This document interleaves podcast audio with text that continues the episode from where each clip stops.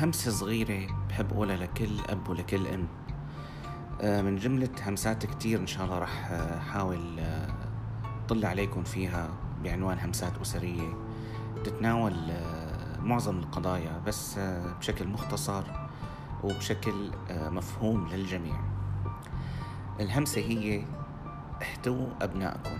رقم واحد احتووا أبنائكم. احتواء الأبناء أمر طبعا مو بالسهل. الابن أو البنت بحاجة لإحتواء. كيف بيتم الاحتواء؟ بيتم الاحتواء بالكلمة الحلوة بإعطاء مزيد من المشاعر الفياضة. آه، يلي بتكون البنت بحاجة لإلها من أمها آه، طبعا أو من المحيطين حواليها من ذويها طبعا. الشيء هذا بيؤدي لعدم غلط البنت بالمستقبل لعدم بحث البنت عن الفراغ العاطفي طبعا الغير المشروع أو تعبئة الفراغ العاطفي بشكل غير مشروع.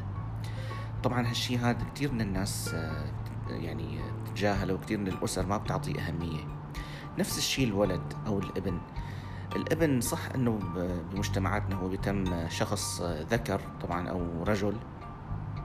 يعني ما عليه القيود اللي بتكون على البنت. بس كمان إذا قدرنا نحتويه وناخذه لصفنا من قبل الأب أو حتى من قبل الأم آه، طبعا بنوفر آه، شيء الكثير من المتاعب شيء الكثير من العواقب المستقبلية اللي بتعود علينا بالمتاعب أكثر ما تكون تعود علينا كون إنه نحن والله آه، نعودهم على أساس القس... نعودهم على القساوة بالتربية أو آه، إلى ما هنالك. احتواء الإبن طبعا بيؤدي لعدم انحرافه لعدم انغماره برفاق السوء والبحث عن آه، يعني الشمول أو الشمول الأسري بمكان آه، بعيد عن البيت. آه، بتمنى ما أكون طولت عليكم على أمل التقي فيكم آه، بهمسات تانية. تقبلوا تحياتي. كان معكم حسام إسماعيل الداود شكرا كتير لكم